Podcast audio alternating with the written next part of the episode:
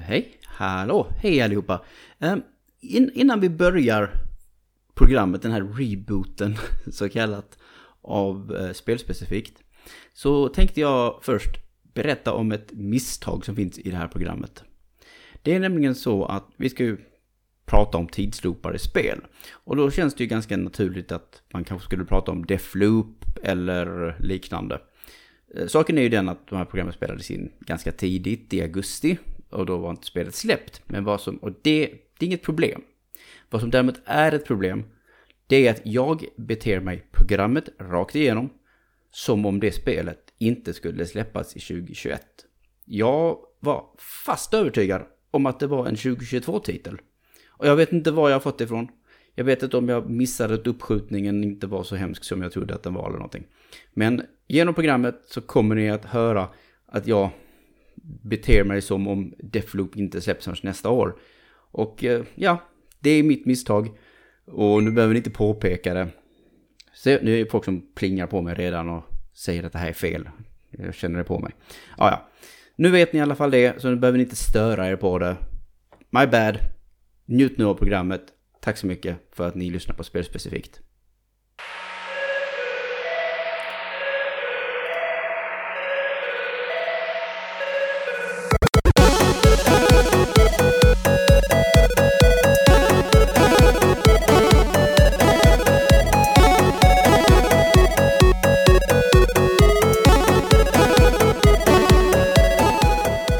Välkomna till Spelspecifikt, Player Ones podcast om detaljerna i spel.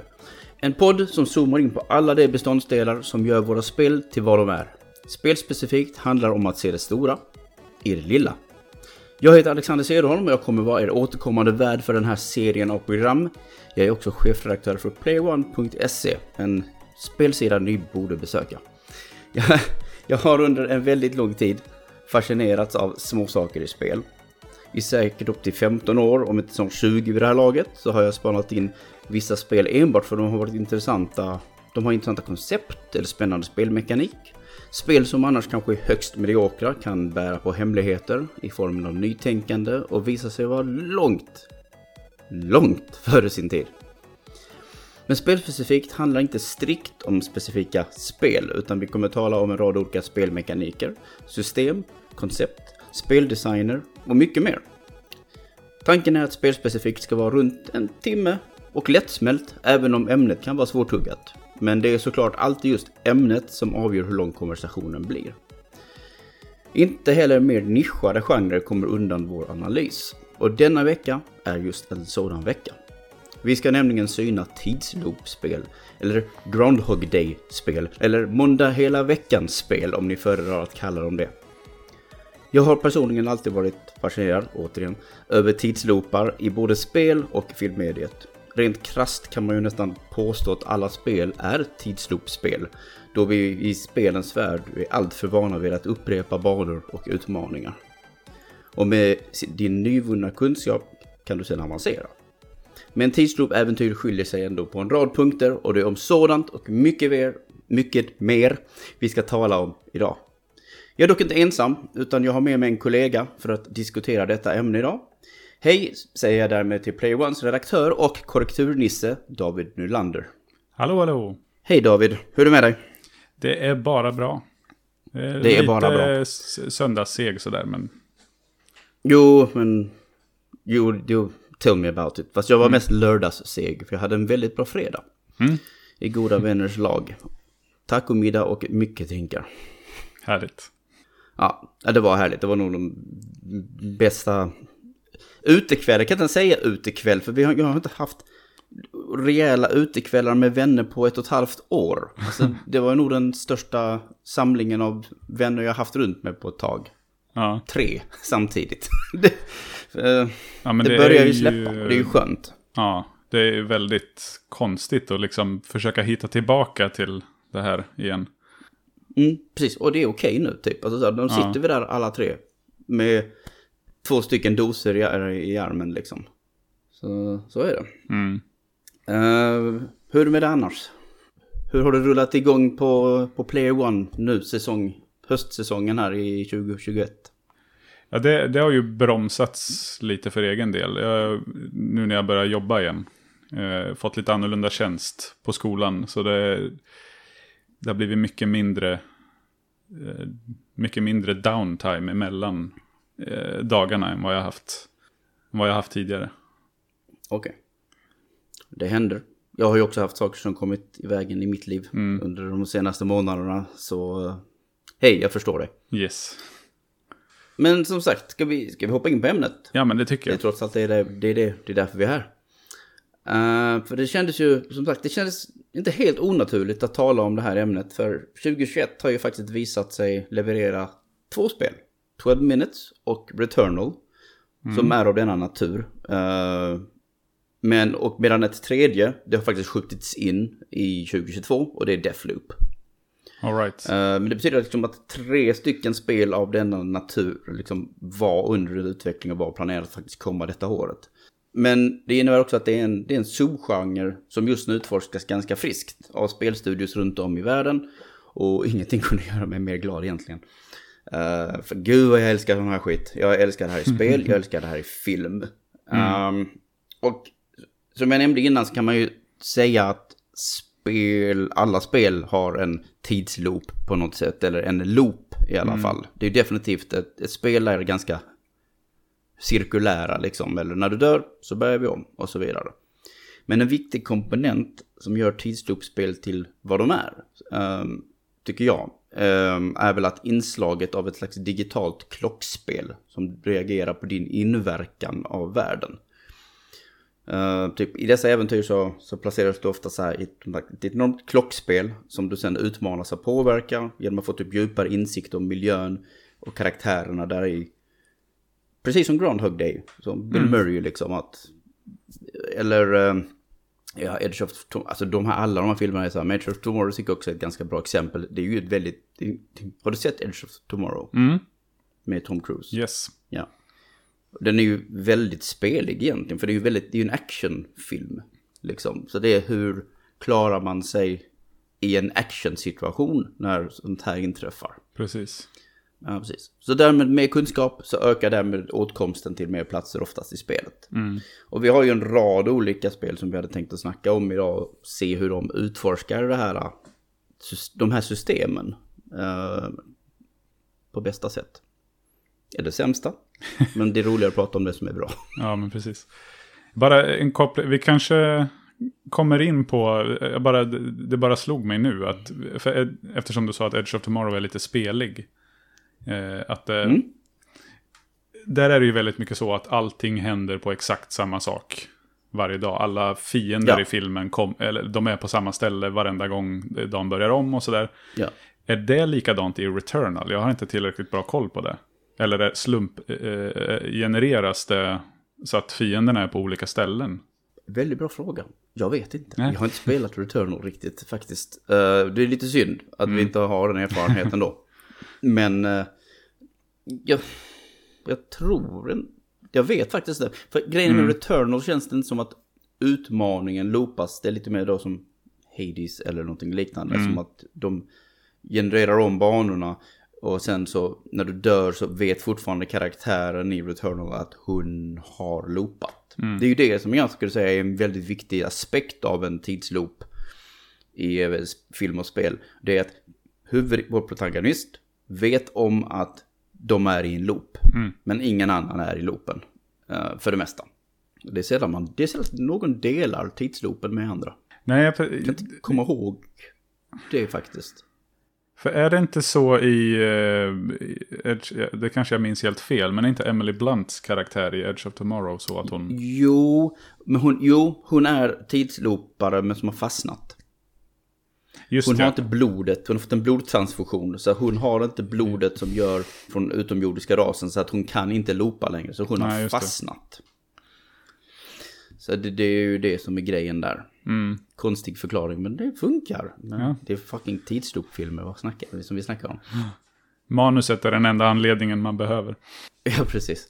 Och, och, och tidsloopen inspirerade ju faktiskt liksom Housemark att plötsligt utforska berättande. Det är liksom loopen som gjorde så att de helt plötsligt kände liksom att oh, vi kan kanske göra någonting här. Det är ju ändå deras mest ambitiösa spel till dags dato liksom. De har ju alltid hållit sig i arkadtypen av spel liksom och ingenting annat. Och nu helt plötsligt så adderar de liksom ett berättarlager ordentligt väldigt liksom på sitt spel. Mm. Och så jag tycker det är lite intressant också. Uh, och sen har vi ju då såklart hela aktuella 12 minutes som bara kom för en dryg vecka sedan. Mm. Jag vet inte när det kom ut när vi sände det här programmet. Men som sagt, nu är det en vecka färskt ungefär, drygt. Och du har inte spelat det, ja? Nej, det ligger på önskelistan. Jag är supersugen på det nu. Jag har lyssnat på lite ja. poddar där de har pratat om det. In, inte perfekt. Uh, mm. Framförallt inte mot slutet. Och det är inte bara att storyn är bara what? Liksom, utan det, jag tycker att det blir ganska repetitivt i slutet. Mm. Man måste göra om mycket av samma saker för att komma till slutet av loopen. För att sen bara addera ett litet extra lager. Mm. För att komma vidare. Och det är ganska drygt och tråkigt när man ska göra det kanske tre gånger. Det är absolut bäst när man gör lite mer olika saker som leder till förgreningar snarare. Än att man är ute efter samma sak som hela tiden liksom förlänger loopen. Mm. Det är mycket mer intressant att, jag, som sagt, jag vill inte spoila helt ärligt för det är ett för nytt spel. Vissa saker så leder det snarare till en förgrening precis av händelseförlopp. Mm. Som tillskansar mig information som jag sen kan använda i kanske grundloopen eh, så kallat. För att mm. om man inte gör rätt i grundloopen så växer inte loopen.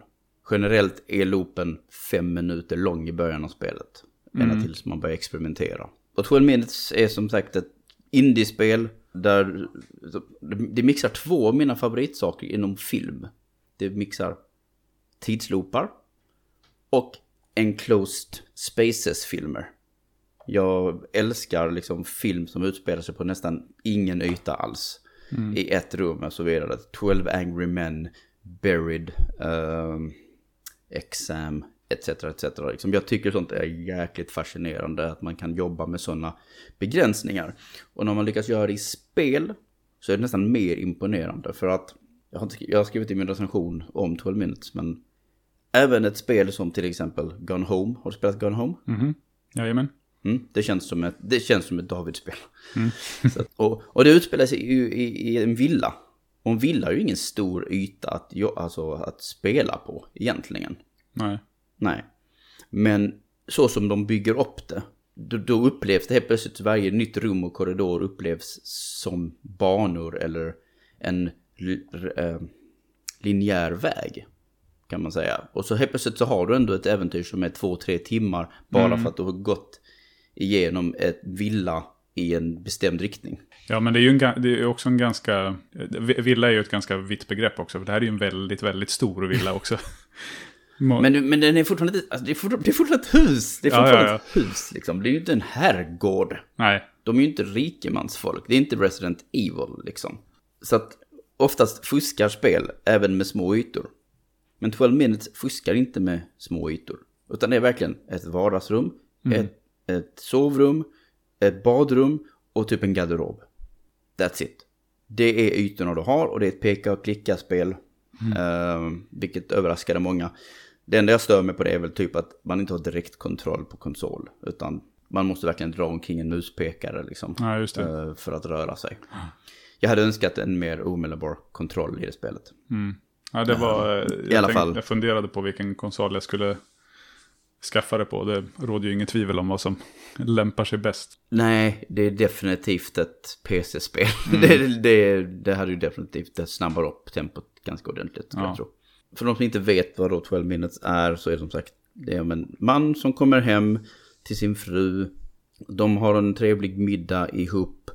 Det, det kommer ett avslöjande och sen blir idyllen störd av att det kommer en polis, spelad av Willem Dafoe, ska tilläggas. Och det är Daisy Ridley och uh, James McAvoy som spelar paret. Och han uh, bryter sig in, eller ja, han, dörren öppnas.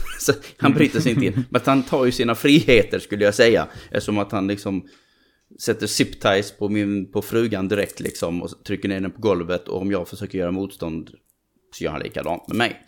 Och så fort man är outchokad eller har fått på käften bara för att man visar motstånd så startar loopen om vid Okej. dörren. Och din karaktär bara, "Äh, äh, äh, äh, äh, vad, hände? Och sen blir han ännu mer förvillad såklart när frun kommer ut genom dörren på exakt samma sätt.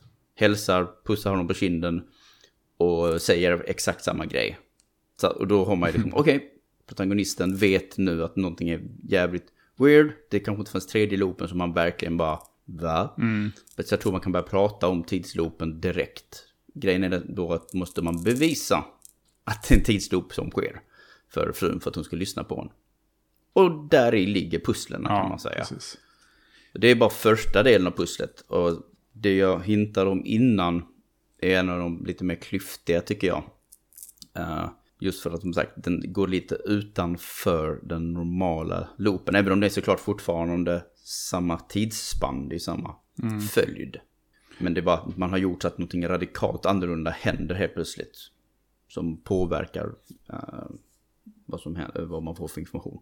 Men det är inte som i, eh, alltså, som i till exempel då Groundhog Day eller många av de filmerna som, som härmar det att du börjar på morgonen. Det är inte så att man vaknar upp i sängen och Nej, du, du vaknar upp efter att du har stigit igenom dörren till lägenheten. okej. Så att han får på käften så verkligen slås han in i loop, ur loopen och in i nästa loop. Och är liksom, han har känslan av att han har blivit slagen eller blivit, vad heter det? Suffocated, alltså Ja, kvävd. kvävd Ja. till exempel.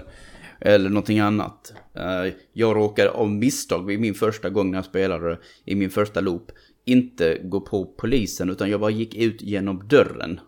Och då bara ploppade jag, liksom, det blir så väldigt soft fade och sen så bara kom jag in genom dörren och bara "Huh, what, what, what?"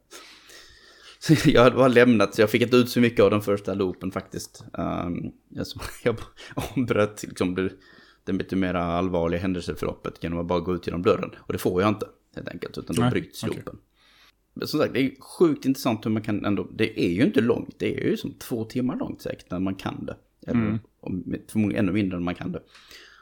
Uh, allting handlar ju bara om att klura ut på hur man kan manipulera liksom miljön för att saker ska hända annorlunda under den tiden man har på sig.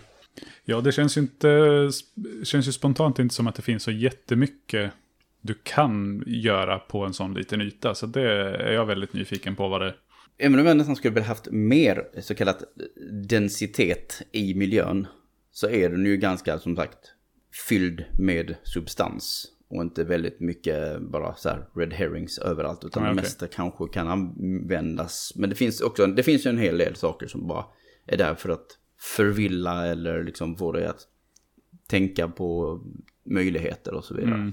Men det är ju ändå mer tacksamt än om det bara hade varit gre- grejer som har en inverkan på händelseförloppet. Att du vet exakt att allt, det här kommer att påverka, det här kommer också att påverka. Nu kanske det blir mer Mm. Spännande när det är lite saker Ja, som är bara ju, är... men det måste ju finnas saker, ja men precis, det finns definitivt saker som jag gick på så här att oh, här måste det ju vara någonting liksom. Och så bara inser jag att det här, är inte, det här är inte värt ett tweet. Men det lärde mig en sak i längden, att det fanns någonting liknande på andra platser. Eh, så det hade Alright. fortfarande sin nytta, men det finns ju definitivt saker som kanske inte har, har 100% nytta. Eh, Men som sagt, det är väldigt imponerande, liksom, väldigt häftigt hur man har den här extremt lilla miljön att leka på och eh, då stoppa det i tidsloop-koncept. Så det är helt klart värt att spana in, även om storyn kanske inte faller alla på tungan. Jag har spelat om det, som sagt, jag har gjort, spelat det två gånger, jag ska ändå recensera det på sidan, så jag kände väl att mm, jag vill spela det mer rakt och korrekt och ordentligt och inte fumla så jäkla mycket. För då tappar man liksom bort sig till slut. Vad, är jag liksom, som, hur hänger saker ihop? Men då när du säger att du spelat det två gånger, då är det att du har liksom... Du har start nollställt spelet, eller vad man ska säga, och sen kört det. Alltså jag har nollställt spelet Ja. Mm. och börjat om från noll. Jag har klarat det och sen har jag startat om det. Ja. Jag har inte, jag har inte spelat en loop. Nej, Eller- jag kör ett varv till. Precis. Ja, precis. Nej, nej, inte riktigt så det funkar. Mm. Har du några andra tankar kring 12 minutes? Nej, jag, ehm, nej, jag p- skulle vilja dra en parallell. Nu, nu kan vi ju, eller nu kan ju du kanske inte gå in så mycket exakt på vad det är som eh, gör att det blir lite repetitivt och tråkigt i den här i de här pussellösningarna som gör att man eh, tar sig vidare. Mm. Men jag tycker att det låter lite liknande som hur jag upplever Save the Date. Som du inte hade spelat. Okej. Nej, det har inte jag spelat. Eh, för det innebär ju... Vad är en- Save the Date för något? Eh, Det är ju ett ganska enkelt upplägg egentligen. Man är en, en snubbe som ska på dejt med en tjej. Som ringer, man är hemma i sin lägenhet. Eh, hon ringer en, eller man ringer henne. Eh, minns inte exakt. Men så bestämmer man bara, så, ja men vi går till det här stället, de har bra burgare. Där ses vi och käkar. Det är dit man går. Man Ja. går dit där det är bra burgare. Precis.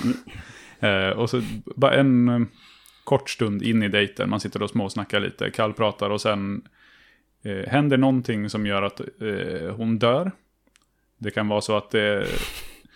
En dålig burgare! Ja, ja, men på just det stället så kanske det var att det kom in ett eh, gäng med eh, ninja-gangsters och högg ihjäl folk på restaurangen och hon omkom. Som sig bör hända på dejter. Ja, precis.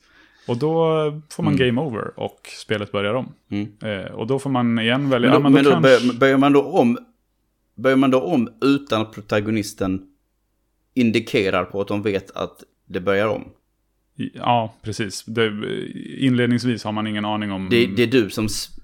Okej. Eh, det, det, man ser det som en... eh, Det är för, eh, första persons vy, fast med stillbilder. Mm. Så det är lite som en visual novel. Eh, och man vet egentligen inte att den här karaktären vet om det. Man har bara fått game over och så är man på startskärmen igen och så får man börja om. Eh, och sen då, ja men då kanske jag inte ska ta med henne till hamburgerstället. Då tar vi den här eh, schyssta thai-restaurangen istället. Och så går Mm. de dit och sitter och småpratar lite. De beställer in maten, den kommer dit.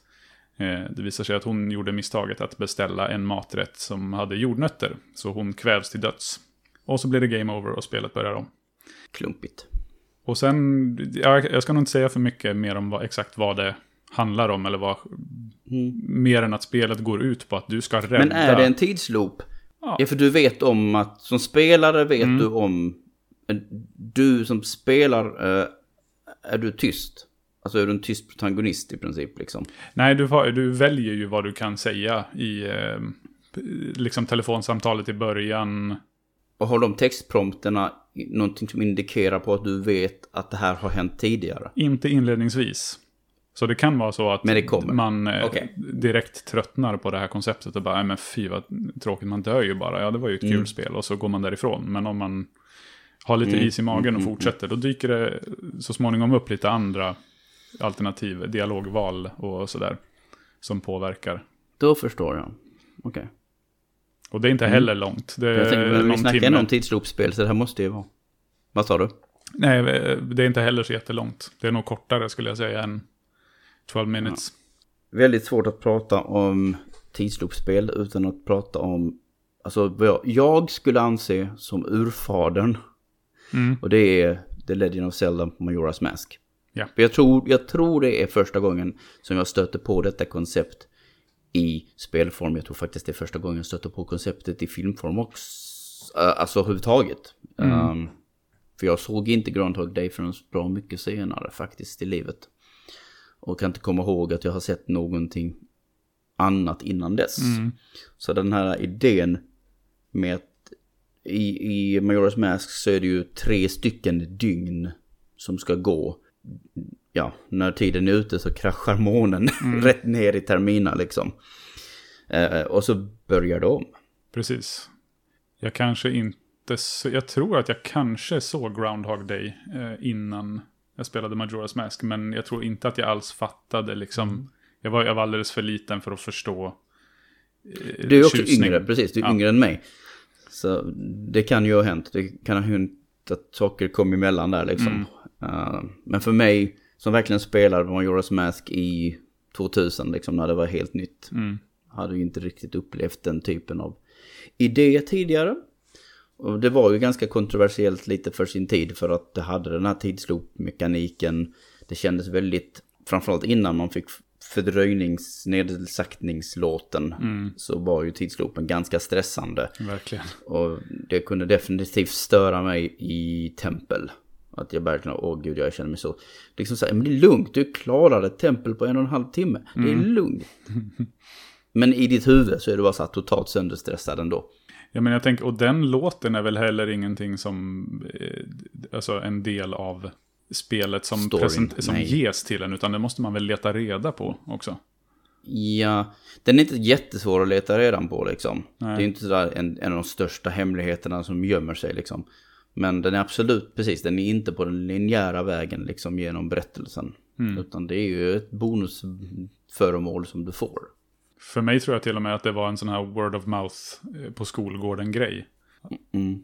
Att, att jag inte hittade den i spelet, utan jag fick Coolt. höra den från Ja, kompisar. vad, vad häftigt. Ja, ja.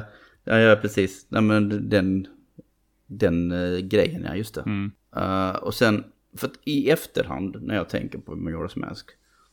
För även om jag var jävligt stressad över och sånt inledningsvis jämfört med Ocarina of Time. Så tyckte jag liksom att i efterhand att gud vad jag verkligen tyckte om det här med de tre dygnen och jag älskade liksom, vad heter de, Bombgäng, Bombgang-boken. Det är ju där som man ser hur olika karaktärers liksom, loopar fungerar eller de indikerar hur de fungerar och så ska man ju då kanske förfölja någon eller liknande under sin dag så man vet vad som händer under de här olika förloppen och sånt. Och det är jäkligt roligt, liksom omfattande sidequesting-system. Jag kan inte komma på riktigt 100% hur mycket loopen påverkar grundspelet men att du vet, hin få, hin få så mycket skit gjort som du hinner på tre dygn. Börja om liksom. Precis. Vissa saker kanske öppnas vid vissa tidpunkter. Men tidsloopen är som bäst och som starkast i Termina eller ute på fältet och så vidare. Liksom. Eller Clocktown heter staden och Termina i hela världen. Ja, jag gillade verkligen att använda den där eh, Bombgang-boken. Och försöka klura ut vad det var som, vad de här tidslinjerna syftade på. Att det händer grejer och så vidare. Ja, men precis. Där tror jag också att jag var lite för... eh, när kom det ut? Var det 00? 2000 tror jag, Ja. exakt. Då var jag 11.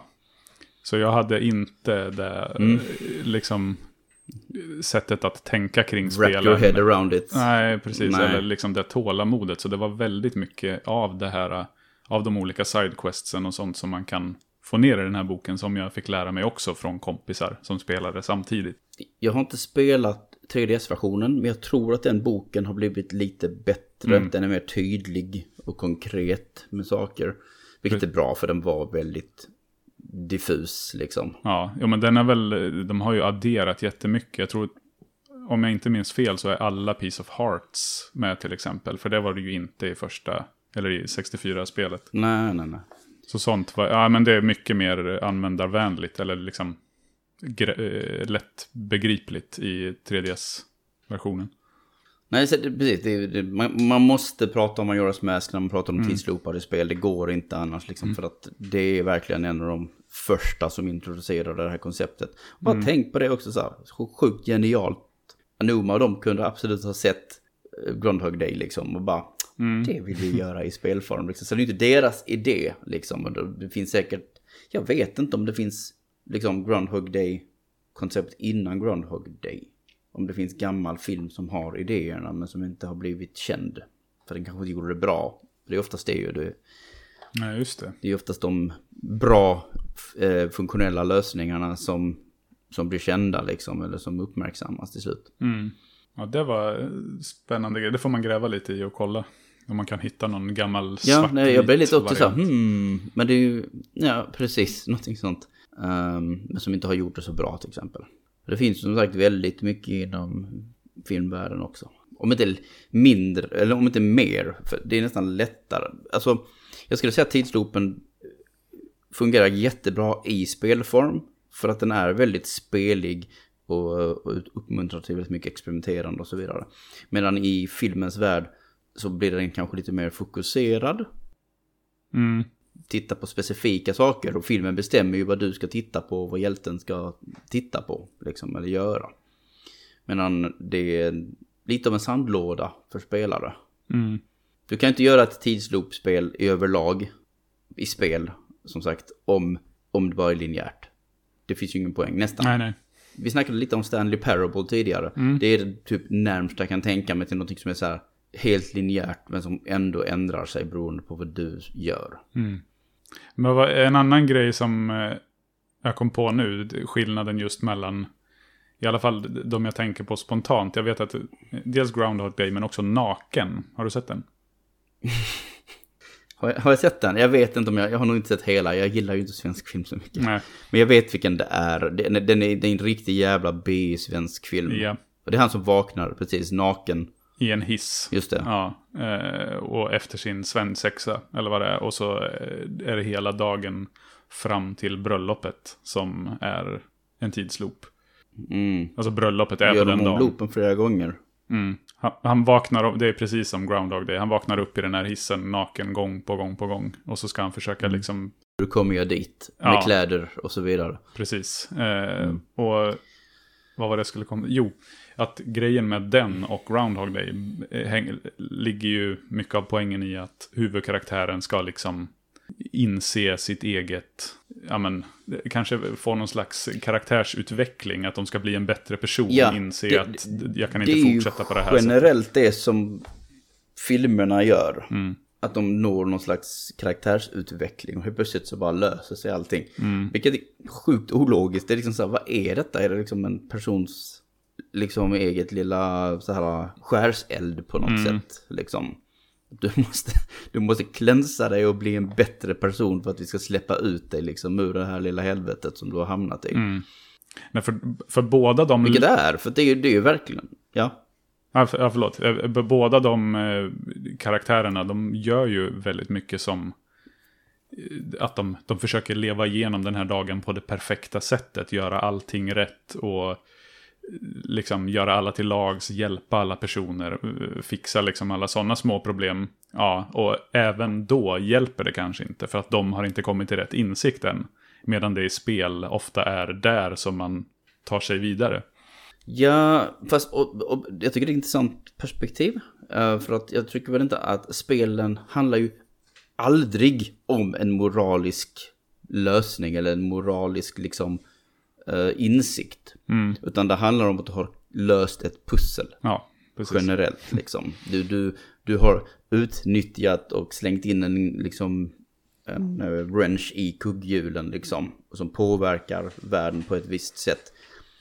Och oftast så har du påverkat världen. Liksom i uh, Konami-spelet Shadow of Memories så är det ju definitivt bara du ska liksom förhindra att du dör.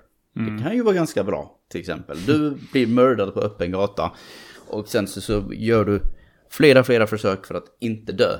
Det är ju en ganska bra motiverande faktor inom spelvärlden att du vet, du har klarat det när du inte dör i nutiden. Det är ju ganska schysst. Sen så tar det spelet dig lite på alla möjliga ställen. Du, du verkligen så här kommer tillbaka till samma stad men i dåtiden, mer medeltid och sådana här grejer. För att sen påverka framtiden. Men då, då snackar vi ju tidsresande också. Och sen vet jag precis, Majora's Mask, det är bara hela problemet är ju att månen du har tre dagar på dig. Men när månen, när du hindrar månen från att krascha i Termina Field, liksom, så är det ju för att jag då besegrat Majora's Mask och ganska uppenbart. Uh, jag ska inte säga någonting om 12 minutes, förhindra universums förstörelse eller någonting liknande. Kanske, kanske inte. I Outer Wilds, eh, förhindra mord i Det Sexy Brutal. Ja, men precis. Det finns väldigt så här konkreta... eh, Save the date. Mm, Hon ska inte dö. Din date ska inte dö. precis. Så det finns, precis. Det, det är ett mm, intressant eh, tanke. Att där är det väldigt konkreta mål som man ska uppnå. Att folk ska inte dö eller saker ska inte förstöras eller någonting liknande. Medan i filmens värld så är det väldigt mycket om självinsikt och sådana grejer. Det är lite, inte alltid men det, definitivt. Edge of Tomorrow tror jag inte är en sån grej. Utan det är ju fysiskt, det är en sci-fi thingamajig lösning liksom. Ja men precis, det är, ja, men det är väl mycket så här förhindra jordens undergång om jag inte minns fel. Att de här, av de här invaderande, eller är de, de kanske inte ens är på jorden. precis. Jo, de är på jorden. De, de åker ju till Louvren. Ja just det. Och så vidare. Ja, precis. Nej. eh, och Source Code har ju sin förklaring till exempel. Mm. Jag, vill, eh, som sagt, jag, vill inte, jag vill inte spoila sådana här filmer. Nej, nej, precis. De, de är ju bra. Jag, jag tycker sådana här filmer är skitbra. Verkligen min typ av grej liksom. En, f- två moderna, Palm Springs släpptes för något år sedan. Jag tycker The Endless, de är relativt modern, är värd att se. Och även en, en film som heter Triangle. Är också jäkligt schysst på de här temana. Som kanske folk inte har omedelbart sett. Happy Death Day är ju också en som är underhållande. Ja, det var egentligen bara Edge of Tomorrow av de här, eh, av de du räknar upp nu på den här listan. eh, Här som jag Mm. har sett. Och Groundhog Day. Jag, jag, menar, jag ljuger ju inte när jag säger att jag älskar sån här skit. Liksom, nej. jag söker ju upp det liksom. För jag vill verkligen testa det och se. Och film är ju lättsmält för det är bara en och en halv till två timmar liksom. Spel, lite värre. Jag har inte spelat alla saker liksom. En av mina tidigare andra sådana här tidsloop-spel som jag ändå måste nämna. För att jag, det är väldigt, eh, ingen har spelat detta nästan. Eh, Det är ett gammalt Playstation 2-spel som heter Gregory's Horror Show. Baserat på någon slags animerad serie. Som är så här liksom, vet, mysskräckig. Liksom så här, ah, Real Monsters. Den typen av fil eller någonting sånt. Om du känner till den Nickelodeon-serien. Nej, du är för. Nej, jag tror inte det. Och någonting jag tycker är väldigt intressant med Gregory Horror Show. Det är att som sagt, det finns en massa boende i det här hotellet som man är på. Blir ombedd av döden eh, som bär en svensk hatt. Vilket låter konstigt. Det är en hatt som har svenska flaggan. För att Bergman är svensk. Och därmed så associerar japanerna det till döden tydligen. Vilken svensk har inte en sån hatt? Eh, Nej, precis. Den svenska dödshatten. Vem, Ja. Vem bär inte den? Och så går liksom ut på att alla gästerna i hotellet har... Det är då också, alltså det är så här, det är ödlor och det, ja, de ser sjukt konstiga ut, som, som klockor och allt möjligt. Det är bara en stor virvar av, eh, av varelser liksom. Och de har alla liksom stulit en själ.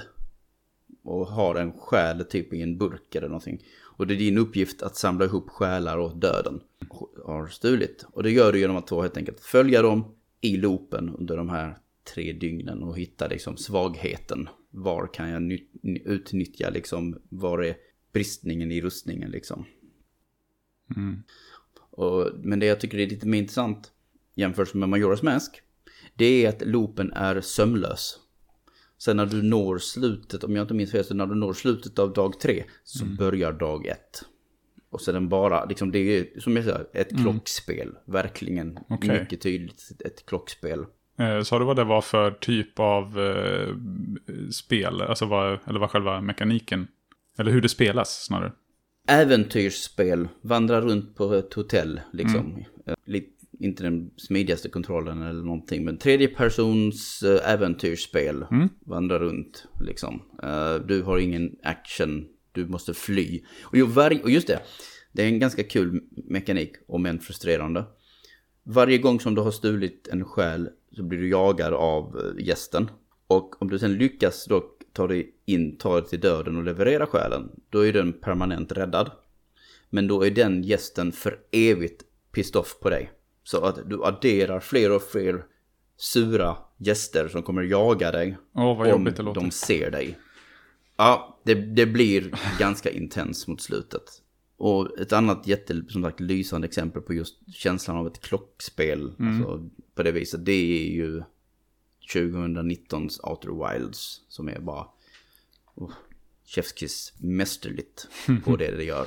Mm. Nu har jag liksom smält det spelet i två år eller någonting. Och jag är nog ganska säker på att det här är liksom en av mina favoritspel någonsin Ja. det liksom ligger tillsammans med Yoshi's Island och Shadow of the Colossus liksom i, The Pantheon för mig liksom Oj, oj, oj. vid det här laget. Det är inga små ord. Jag är så imponerad. Jag är så imponerad hur bra det spelet jobbar med tidsloopen, den som är 22 minuter lång. Det, det finns verkligen en känsla av, som jag sa, en klocka i ett klockspel. Hela universum rör sig. Alltså, eller hela solsystemet rör ju sig. Ja, Alla planeter roterar runt solen. Det finns en känsla av att tiden alltid rör sig, för att allting rör sig.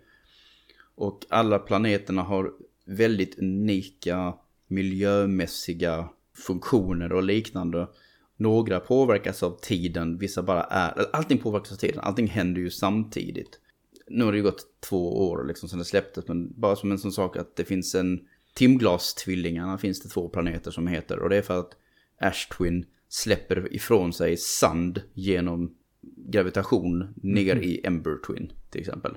Så det blir som bara att det faller sand ner på den andra planeten. Så den ena krymper och upp, liksom, uppdagar saker. Medan den andra får mer sand som kan göra det svårt att utforska grejer liksom. Just det. Hänger du med? Ja. Mm. ja det, det, jag har ju varit jätte, jättesugen på det här spelet ända sedan jag läste den recensionen du skrev för Player One. Som för övrigt Ja, ja. låg där Ja. ganska länge va, innan du, eller du, du jobbade med den ett tag, har jag för mig. Jag jobbade med en tag, vi hade ju inte den officiellt som en recension, vi fick inte någon kod eller någonting. Utan jag bara, jag måste berätta om det här spelet. För det var ju ändå, det kom i maj har jag för mig. Och eh, jag skrev, publicerade min recension i augusti. För jag bara så här, vill, liksom, vill förklara för folk och det var ju en tia liksom. Och det, tior ger vi inte ut bara slapphänt liksom. Så det, det, ska ju, det ska ju motiveras. Och då blir det, då blir det svårt. Man vill verkligen, jag vill, jag vill göra det här spelet rättvisa när jag pratar om det liksom. Eller skriver om det. Men det är ett exceptionellt bra tidsloopspel. Om inte det bästa på den här listan skulle jag säga. Ja, vad För det, jag- leker, det, det baserar ju helt och hållet sig på det. Ja, Liksom, det baseras ju på tidsloopen. Det är ju det som är grejen. Du lär dig vad gör saker. Och sen dessutom är det inte som i Zelda att få massa nya items och grejer. Utan alla items, föremål, har du från början. Det enda du gör är att du får mer kunskap, typ som i The Witness eller någonting. Och med den kunskapen så vet du sen vad du ska ta det härnäst. Eller vad du kan göra på en plats om du inte visste vad du skulle göra tidigare. Om jag går dit, du vet, när jag har börjat en ny fil eller någonting, då kan jag göra det. För jag vet aha. hur saker funkar. Ja, det är inget man måste låsa upp på det sättet. Nej, eller till exempel, vi pratar ju, spoiler för Gone Home, gott folk. Men det är jättekort och det är tio år gammalt. I slutet av Gone Home så hittar du en hemlig eh, lönndörr under trappan i hallen. För att kunna ta dig, få nyckeln för att komma upp till vinden. Den dörren är alltid tillgänglig. Och jag älskar när spel gör sånt. Okej. Du kan liksom gå dit, du, du kan klara spelet på två minuter. Ja, det har inte jag ens testat. Den är, Men det... den är, den är alltid öppen. Det är, bara, det, är bara, att- det är bara att den inte är markerad. Den blir liksom inte markerad. När du har fått informationen så vet du om var du ska gå. Mm. Men den är inte sådär, du vet, typiskt peka-klicka äventyrsspeligt låst. För att din karaktär inte vet om det. Nej, just det. Utan du som spelare vet om det och den är alltid där. Coolt. Mm. Och det gör Outer Wilds hela tiden. Ja.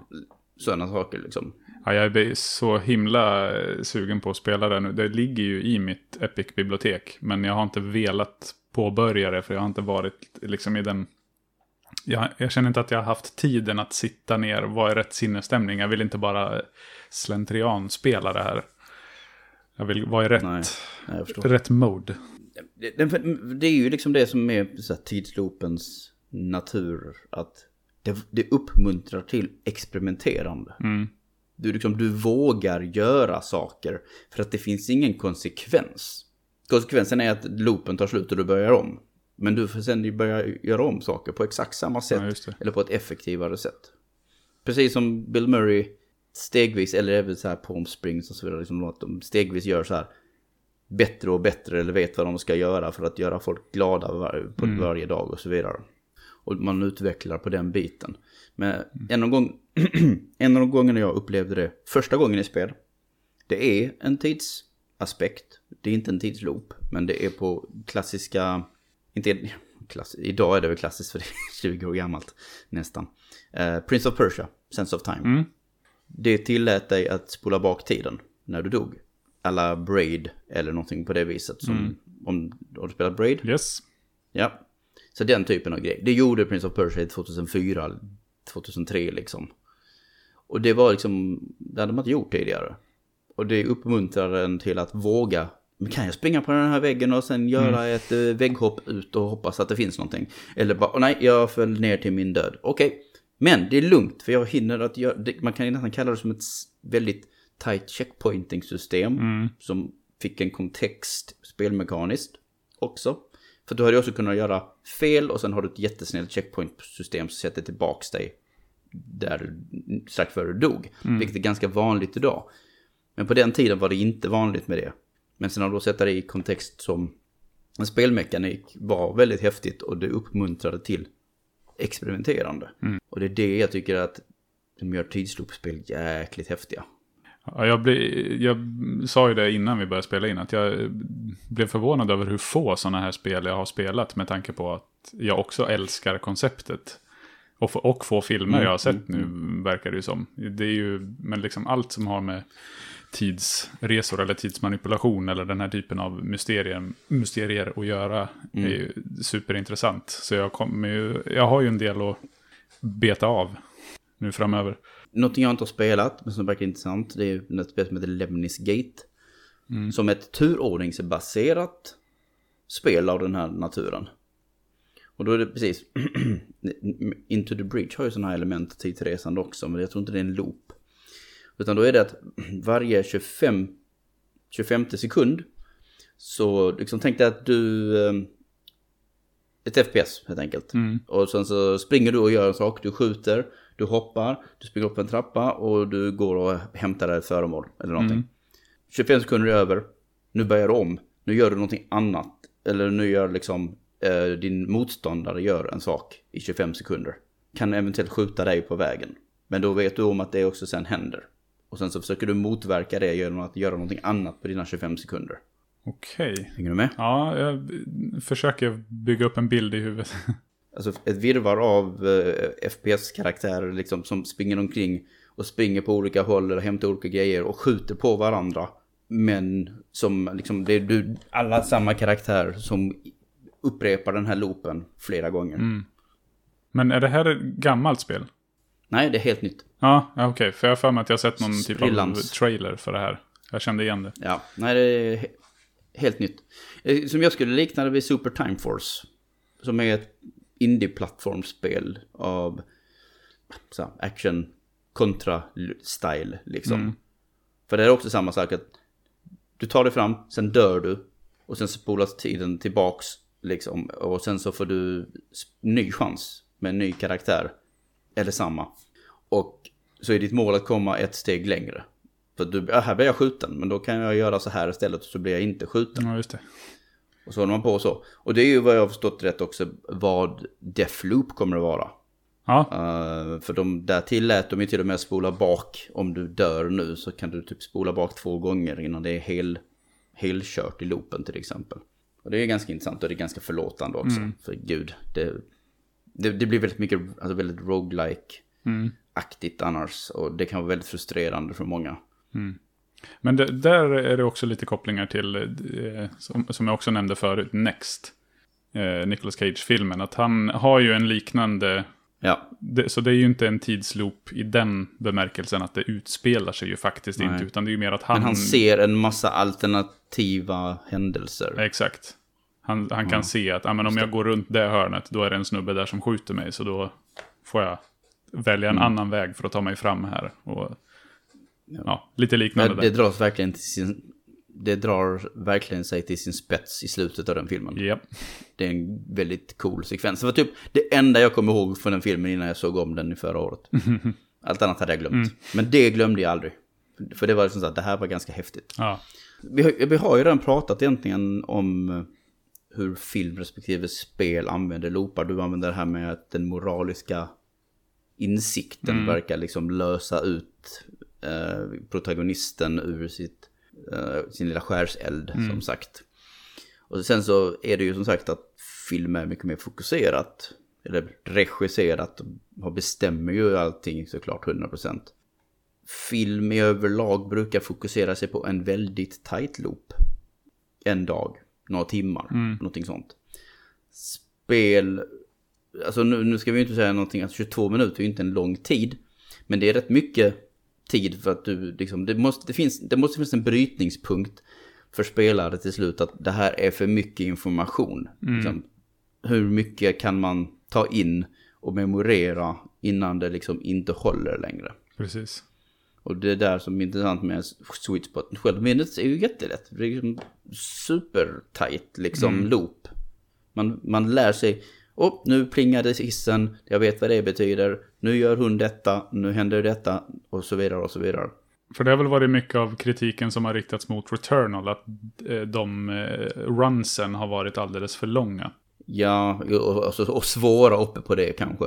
De som gillade de gillade ju jättemycket. Men jag vet inte om det beror på loopen eller snarare bara för att det är en jäkligt schysst roguelike med en bra utmaning och skön skjutmekanik och så vidare. Men precis. Och sen har du ju minnet som är motsatsen. Det är de 60 sekunder har du tid på dig att göra sa- saker.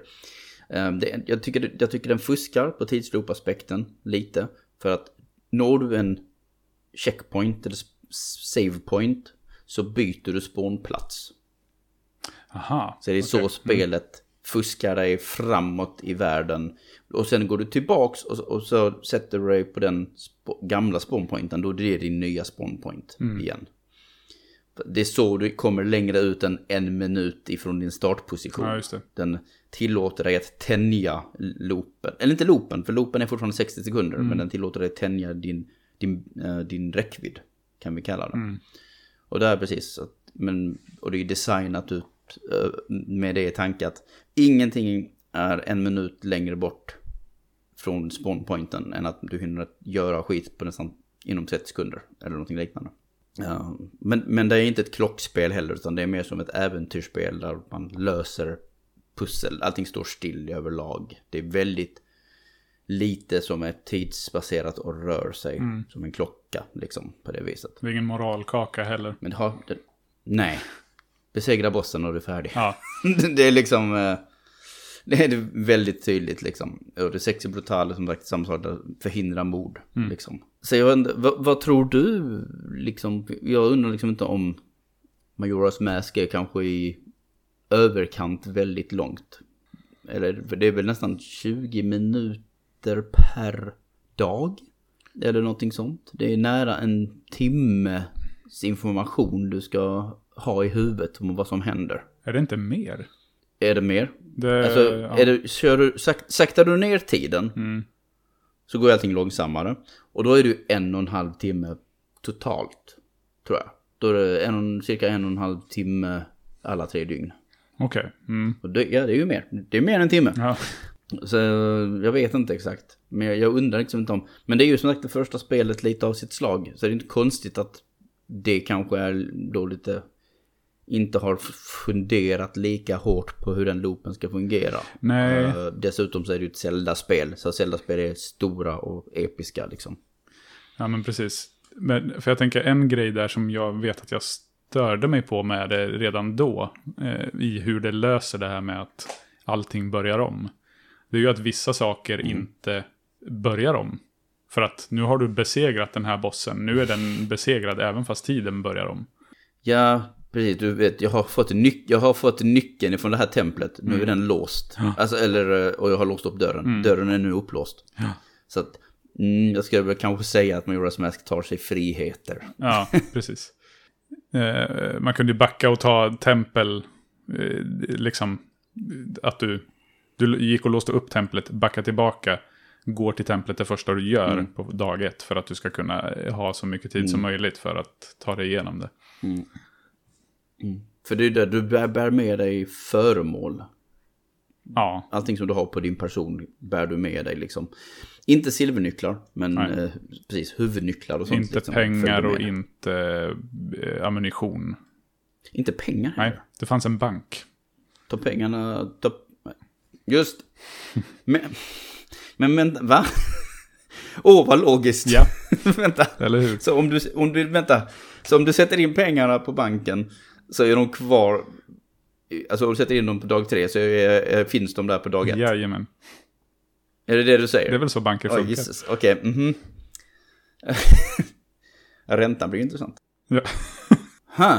Okej, ja nej det, det märks ju att uh, Majora's Mask tar sig friheter Mm. med konceptet. De gör ju det för att det ska bli ett bättre spel. Precis. Men jag tror att om ett sånt spel, Majora's Mask, hade gjorts idag, då hade de nog förmodligen tänkt mycket mera på loopen. Alltså få, du vet, för vi är väl väldigt måna om att idag att saker ska ändå kind of make sense på något sätt. Det, det ska klaffa bättre. De hade säkert hittat lösningar på det där. Det är bara svårt att se dem när vi inte har upplevt dem liksom. Ja, precis. Och sen så, som sagt, sista saken jag hade väl kanske bara lyfta om det här. Vi har ändå pratat här i en timme snart. Det är att jag gillar, jag gillar, ett, dels gillar jag när jag blir familjär med en miljö i spel. Därför vill jag inte ha alldeles för stora. Jag är inte en jättestort open world-spelsfan, utan jag gillar när saker är ganska tight, semi-tight liksom. Och där jag verkligen kan lära mig. Det finns ingenting som gör mig typ gladare än att inse när någonting är så lagom stort och sen så inser jag att det finns mer gömt i den platsen än vad jag först trodde flera timmar senare till exempel. Och bara, åh oh, shit, det, en ny dimension har öppnats på den här platsen. Inte, inte bokstavligt talat, men precis, ett nytt lager har lagts till på något sätt. Det skapar ju liksom, tidsloopen av sig själv är ju där för att du ska bli familjär med världen du är i. Mm. Lite som att se om en film eh, man gillar flera gånger. Upptäcka nya. Eller spela om ett Ja spel. men ja, ja men, det är jätte, ja men det är ett jättebra exempel. Det är inget dåligt, det är ett skittråkigt exempel, men det är ett bra exempel. Varje gång vi tittar på Kalle Anka på julafton så, så vet vi, så ser vi någonting nytt. Liksom, att man, ja, alla har vi skrattat och tittat på liksom vissa saker allihopa samtidigt. Men precis, ju mer jag tittar på den här så säger jag oj shit, allt från att hur fan har de klippt det här? Så här är ju inte egentligen. Eller Nej, andra det. saker som är i bakgrunden och sånt här. Det, nej, jag vet jag kan fortfarande ha nöje av att titta på Kalle Ankas julafton. Bara för att jag ser nya grejer. För att jag tittar inte längre på det de vill att jag ska titta Nej. på. Utan jag tittar på någonting annat. Det var så här, jag vill förändra den här upplevelsen på något sätt. Ja, vi kanske har väckt eh, den kalankas julglädjen hos lyssnarna nu. Den har ju varit lite döende generellt har det ju låtit som på många, att man inte Ja. tittar längre. Jag vet om att många gör, gör detta också liksom. Alltså lite som att man försöker så här, titta på andra grejer. Det ser jag på Twitter. Liksom på varje jul att folk bara liksom pratar om, inte det som händer utan någonting annat som är en observation snarare till exempel. Mm. Men ja, nej men att vara familjär med någonting eh, skapar en, liksom en viss coziness. Liksom. Jag, jag gillar, för att ta ett, ett modernt exempel till, eh, Skyward Sword Mm. gjorde saker liksom med att, eh, för jag, jag spelade ju det för liksom tio år sedan. Det hade liksom, du återvänder till miljöer i Skyward Sword. Och varje gång du återvänder, alltså när du har gjort dina tempel och så vidare, så ändras miljön. De, de, de gör en twist på den. Och då är det fortfarande, det är fortfarande samma ställe, men det är annorlunda och det är häftigt. Och sen i slutet av spelet så har de just den här skuggvärlden när man ska samla sådana här orber. Och i slutet av det spelet så är man på en väldigt familjär plats. Men då med en ny twist. Mm. Och jag, jag gillar det. Och jag gillar också att jag blir familjär med, med, med slutbossen. Till exempel. På ett sätt. Att den här Mm. återkommande striden som många stör sig på. Den tycker jag är skitbra ur ett berättarperspektiv. För att helt plötsligt så bryr jag mig om att känner verkligen att det är inte bara någon som säger att det här är en farlig demon. Utan när jag känner att det här är en farlig demon. För jag måste fucking trycka undan honom typ tre gånger. Mm.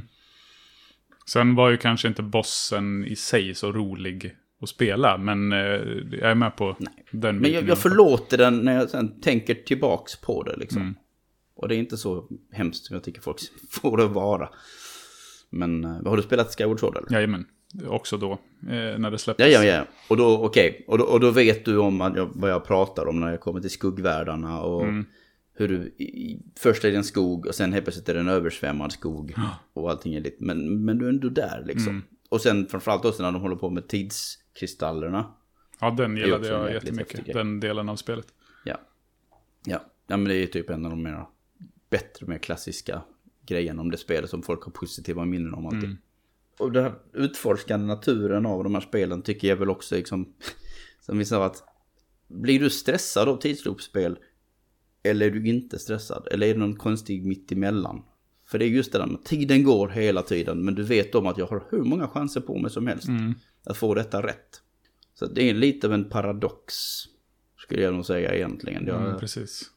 jag skulle ljuga om jag inte säger att jag inte var stressad hur många gånger som helst i Outer Wilds liksom. Men jag visste ju om att men jag har en ny chans, eller går någonting åt helvete nu, skitsamma, då bara slänger jag mig ut i, i, nerför en klippa eller någonting. Och så kan jag börja om tidigare istället för att vänta ut liksom till Ja, just 22 det. minuters loopen.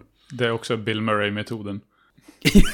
Precis. Jo men exakt. Bara liksom jag är trött på livet, hej. Mm. så här. Han brukade kanske inte ta livet av sig bara för att, uh, för att inte saker gick som man ville. Utan Nej. det var ju mer av en förlängning av hans depression i princip. Han, han, han gick ju och blev deprimerad till slut liksom och fick ångest. Han ville bara ut ur loopen.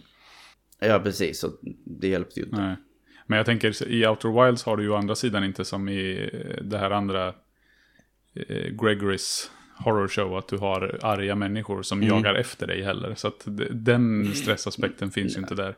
Nej, det har inte förändrats. För som sagt, ja eller hur? För att nu när jag tänker efter så är ju Gregorys horror show är ju en loopande upplevelse. Men det är ju de som bor där, för man, bor ju, man är ju verkligen i typ efterlivet eller någonting sånt här mm. liknande. Det är ett hotell för de som är döda eller någonting liknande. De kommer ju ihåg dig som sagt i det här cirkulära loop, i den här loopen liksom. Där är ju ja. en ändring som har skett. Att de för evigt, de allihopa är fast i den här loopen. Men de kommer ihåg dig. Det är inte bara du som är i loopen i Gregory Horror Show. Utan alla är i loopen. Ja, just det. Där är skillnaden. Eh, skulle jag väl säga i så fall. Ja, för de spelen är ju, mm. eller filmerna är ju inte jättevanliga. Där det är fler än bara protagonisten som upplever det här.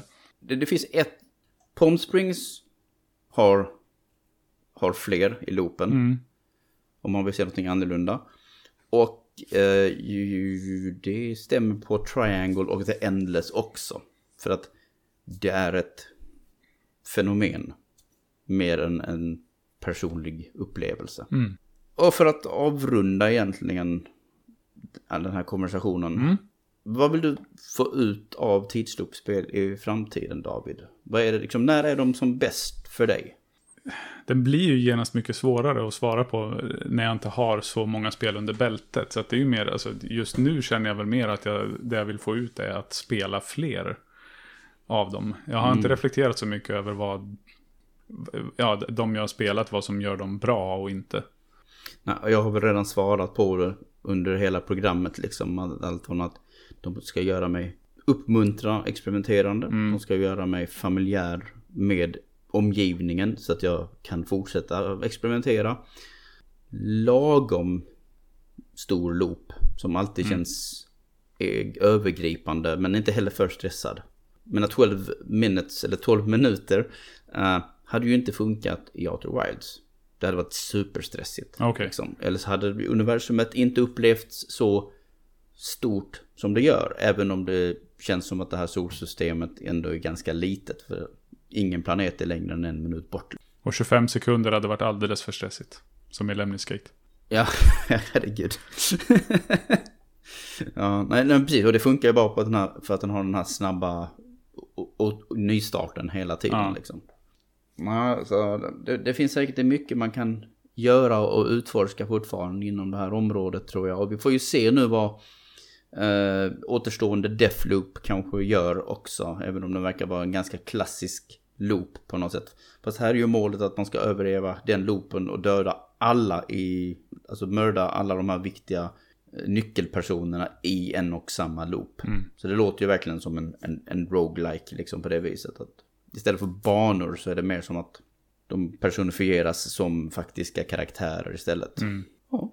Är vi nöjda? Har vi pratat tillräckligt om uh, tidsloopar? Nej, men vi kanske ska... Nej, uh, vi kanske ska börja om. Och... Ja, ja, precis. ja, precis. Vi kan börja om istället.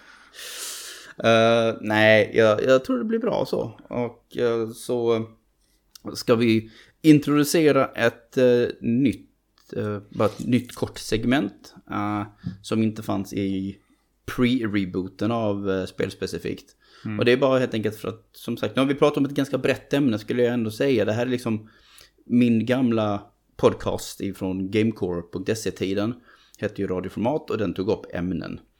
Uh, och jag vill ju att spelspecifikt ska belysa lite mera Eh, nischade och liksom smala grejer som design och koncept och sådana grejer. Men sen har vi så här små subgenrer och sånt som kan vara kul att prata om ibland. Och det var vad det blev idag. Men för att avsluta så tänkte jag att vi stoppar in lite små kul grejer också. Liksom små detaljer uh, som är värda att belysa. Så vad har du med dig uh, för typ av Liksom, vad är en detalj i spel, oavsett hur liten den är, som du älskar. Eller i ett specifikt spel. Mm. Men jag kan ta ett eh, exempel då från eh, Metroid Fusion som jag har eh, av anledningar har spelat igenom nyligen. Eh, där jag blev så oerhört tacksam över den här lilla, lilla funktionen att du får en liten bock eh, för när du har hittat alla missiluppgraderingar till exempel i en eh, av delarna på den här rymdstationen där det utspelar sig. Samma för energibehållare och powerbomb Är det, motsvar, är det motsvarigheten till till exempel Brinstar i Super Metroid eller någonting? Alltså en sektion. Ja, Ja. exakt. Det är sex stycken olika, eh, vad ska man säga, ja men olika eh, förgreningar i rymdstationen och så har du main deck och sådär. Och då för varje del så får du, har du möjlighet att bocka av alla tre. För att hitta samtliga uppgraderingar på just den delen. Och det är så ofantligt skönt att ha det i spelet. Det är liksom som att stoppa in ett, du vet, collectathon-system i ett sånt spel. På något vis att du får bara bekräftelse att den här biten är klar. Detta är klart. Den här världen är plockad liksom. Ja men det håller jag med om. Uh, något som jag tycker gör det jäkligt bra på senare år var reboot, inte rebooten, remaken av Resident Evil 2. Okej. Okay. De gjorde så. De färgade rummen eh, om du hade tömt dem eller inte. Ja, ja, ja. Så var det ju i Village också. Ja, ja, ja, ja, ja, ja, yes, ja, ja, precis. Såklart, för att de tog med den kunskapen såklart. Mm. Så that makes sense. Det, det tyckte mm. jag var precis lika underbart där. Alltså mm. att bara att veta, dels att ja, men nu har jag hittat viktiga saker, eller liksom sånt som går att hitta, men också att nu behöver jag inte, om jag inte vill, bry mig om den här delen längre. Jag behöver inte liksom leta i blindo, utan jag vet att nu finns det ingenting mer här att utforska på det sättet. Nej men det tyckte jag. Det var, det var en bra detalj i spel liksom. Vad, ni som lyssnar, vad tycker ni om den detaljen liksom? Jag tycker definitivt, ja precis, den är så hjälpsam i grund och botten. Istället för att man ska behöva gissa och undra om man har glömt någonting eller liknande. Nej, alltså vissa spel kan ju tjäna på att man inte vet att man har tagit allting. För det är ju mer som att det ska vara en hemlighet till exempel. Men ett sånt, sådana exempel som du nämner, liksom, där är det jättebra. Och det kanske inte är så ovanligt nu egentligen. Men det är just att jag tänkte på det, för nu har ju Metroid Fusion 20 år på nacken. Nästan. Eh, och det var ju inte lika, eller hur? Eh, och det var ju inte lika vanligt då Nej. med den här typen av mekaniker. Så, eller den här typen av quality of life-inlägg. Quality of life-grejer är ingenting som vi har sett för de senaste 15-10 åren skulle jag säga. Nej. När man verkligen tänker på sånt. Eh, och det är ju en del av att man får en mer raffinerad speldesign överhuvudtaget. Mitt exempel, eller min grej som jag skulle vilja belysa, är bara att jag belysa ett specifikt spel, eller en spelserie. Jag vet inte hur den har ändrat sig med åren. Men har du talat om Disgaea? Eller Disgaea? Ja, JRPG. JRPG är real, alltså, eller inte real, för att säga, strategi-rollspel. Alltså du vet så här som Org Battle Okej. eller Final Fantasy Tactics. Och Okej. det spelet har ett jäkligt fyndigt sätt att hur man möter fiender och kan levla upp och så vidare. Det är så att det finns en plocka upp, liksom, du kan lyfta en fiende över ditt huvud. Och sen kan du kasta den fienden. Ja, du ser det i huvudet, eller hur? Precis. eh, och sen kan du kasta den fienden, uh, om jag inte minns fel, på en annan fiende. Då mergar de och mergar också sin XP. Så helt plötsligt har du en starkare Aha. fiende att uh, slåss med. Och du får mer XP om du besegrar dem. Eller De får högre level, du får mer XP om du besegrar dem. Men, men blir inte det i slutändan samma sak som om du hade dödat de två fienderna separat? Vet inte, jag tror faktiskt att det är lite mer, men jag är inte säker. Jag bara tyckte att Ah, det, är, det är en okej. förnulig idé. Det är en kul twist på det hela liksom. Ja, men det, det, om det ger lite mer än om du... Jag har inte spelat på nästan besegrat 20 dem år, separat, så- 15 plus år. Men jag, det minns det fortfarande som en otroligt unik spelmekanik. Ja. Så shoutouts to Ja, det, DG. det låter ju som någonting som fler spel behöver. Att kasta fiender på varandra. Ja, och i det spelet så kan du levela upp allting. Alltså du, du kan gå in i ditt vapen och sen så är ditt vapen en rad med våningar som du levlar upp. Liksom ju högre upp du kommer i våningarna och så vidare. Det, Mm. det spelet älskar att bara levla upp skit. För det är sånt spel som du levlar upp till nivå 10 000 och sådana grejer. Det, det är liksom absurt höga nivåer. Du kan gå hur långt som helst. Men vi, vi ska inte gå hur långt som helst. Det räcker nu tycker jag. Ni har lyssnat på spelspecifikt här på playone.se. Och det är som sagt, det är vad våran sajt heter. Jag är ju som sagt chefredaktör där. David är redaktör. Läs vår skit, skulle jag säga. Liksom, vi, vi, precis, mestadels så skriver vi. Nu vill vi börja podda igen. Men eh, mestadels så skriver vi recensioner och isär och eh, kort och långt och allt möjligt. Artiklar. Andreas har ju checkpoint som summerar veckans nyheter. eh, Och sen i början av veckan så har vi spelen att hålla koll på. Som en behändig guide för att veta vad som ska släppas i veckan som är av värde. Där har Andreas har kurerat en lista liksom och så vidare. Och hej, antingen så går ni in på sidan och kollar om det har hänt någonting. Eller så finns vi ju såklart på Facebook, at playerone-se. På Twitter heter vi playerone- playerone-se. Och jag tror vi är på Instagram också under samma namn. Jajamän. Och eh, skulle det vara så att någon tycker att fan Alex han verkar ju ganska intressant och insiktsfull och sådär och han jag veta mer om eller höra mer om hans tankar om spel och grejer för det är mest det jag faktiskt tweetar om. Så följ mig på att dogma understreck på Twitter. David har inte någon Twitter om jag inte minns fel. Eh, stämmer bra. Jag har försökt, men jag blir alldeles för överväldigad varenda gång jag går in Det är och inte din tittar. grej. Så var ska folk gå för att, vad ska folk gå för att få mer av David Nylander? För mer av mig, då tycker jag att man eh, vänder sig till Instagram istället. Mm. Eh, och där kan man hitta mig på att overheard by the nerd. Är det nu? Eh, klingar fint, eller hur? Mm. Eh, och ja, där är väl egentligen bara att jag pu- publicerar lite nördigt ma- material ibland. Saker jag köper, saker jag spelar, saker jag pysslar med som har med nörderi att göra, filmer. Eh, ja, lite allt möjligt. Och, Vill man, och, och podcasten? Ja, den lägger jag inte upp så mycket där. Den har en egen Instagram. Men precis, jag driver en podcast nu som vår gamla skribentkollega Johan Solinger eh, startade upp tillsammans med mig eh, för ett år sedan ungefär. Nytt spel plus heter den. Nu är det jag och min kompis Otto som eh, kör ett lite play before you die-liknande upplägg där vi spelar där vi spelar spel som den ena av oss har spelat och den andra inte har. Och så jämför vi våra åsikter och analyserar spelet. Mm. Och lite sådär. Eh, så det får man jättegärna lyssna på. Förlåt, vad sa du? Jag sa att jag får bli inbjuden någon gång. Ja, men det tycker jag absolut. Vi Ja. har lite gäster på G, så vi, Cool. eh, vi ska Ha mig i åtanke. utöka. Precis, så där hittar ni mig och David. Eh, Och såklart då på Player One då, i sig själv. Musiken som ni hört i introt, i outrot, är gjort av väldigt talangfulla Dominic Ninmark. Eh, och han har gjort musik till spel som Striker Sisters, Rival Megagun och Blazing Chrome. Med mera. Jag får faktiskt uppdatera den listan för att han gör ganska mycket just nu. Cool, sex, peppig 16-bits musik för det mesta och så vidare. Och den som skulle kanske ha ett sug efter Eurobeat remixer kan också ha mycket att hämta på Dominics kanal. Eh, ni hittar honom på Dominic Ninmark och eh, som Dominic Ninmark på YouTube.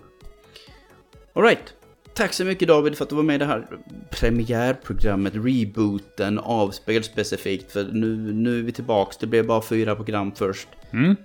Men mycket har hänt i livet, eh, fulltidsjobb och allt möjligt. Men nu tänkte jag, nu, nu kör vi. Nu försöker vi få tillbaka det här igen. Med lite Mm. bredare regi och så vidare.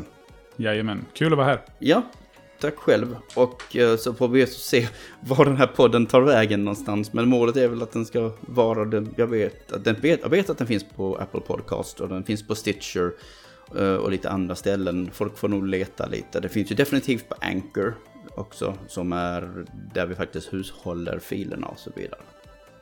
Men eh, vi lyssnar på er och ser vad vi kan sätta upp den. Spotify är ju ett mål också såklart. Vi måste bara se egentligen vad allting, var, allting ligger för vid, den här, vid det här ögonblicket. Det utvecklar sig. Det var det.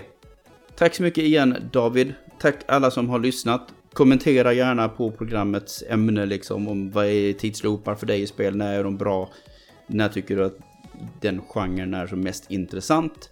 Och vill ni kommentera på Disgaeas XP-level-system eller när um, föremål, spel säger till när man har plockat tillräckligt mycket föremål och ger bra exempel på sånt. Gör det också! Helt enkelt. Vi vill ju snacka med er. Gör det på Facebook, gör det på Twitter eller gör det direkt på sidan i kommentarfältet. Super! Då hörs vi nästa vecka allihopa. Och som jag alltid avslutar med. Glöm aldrig att se och uppskatta det stora i det lilla.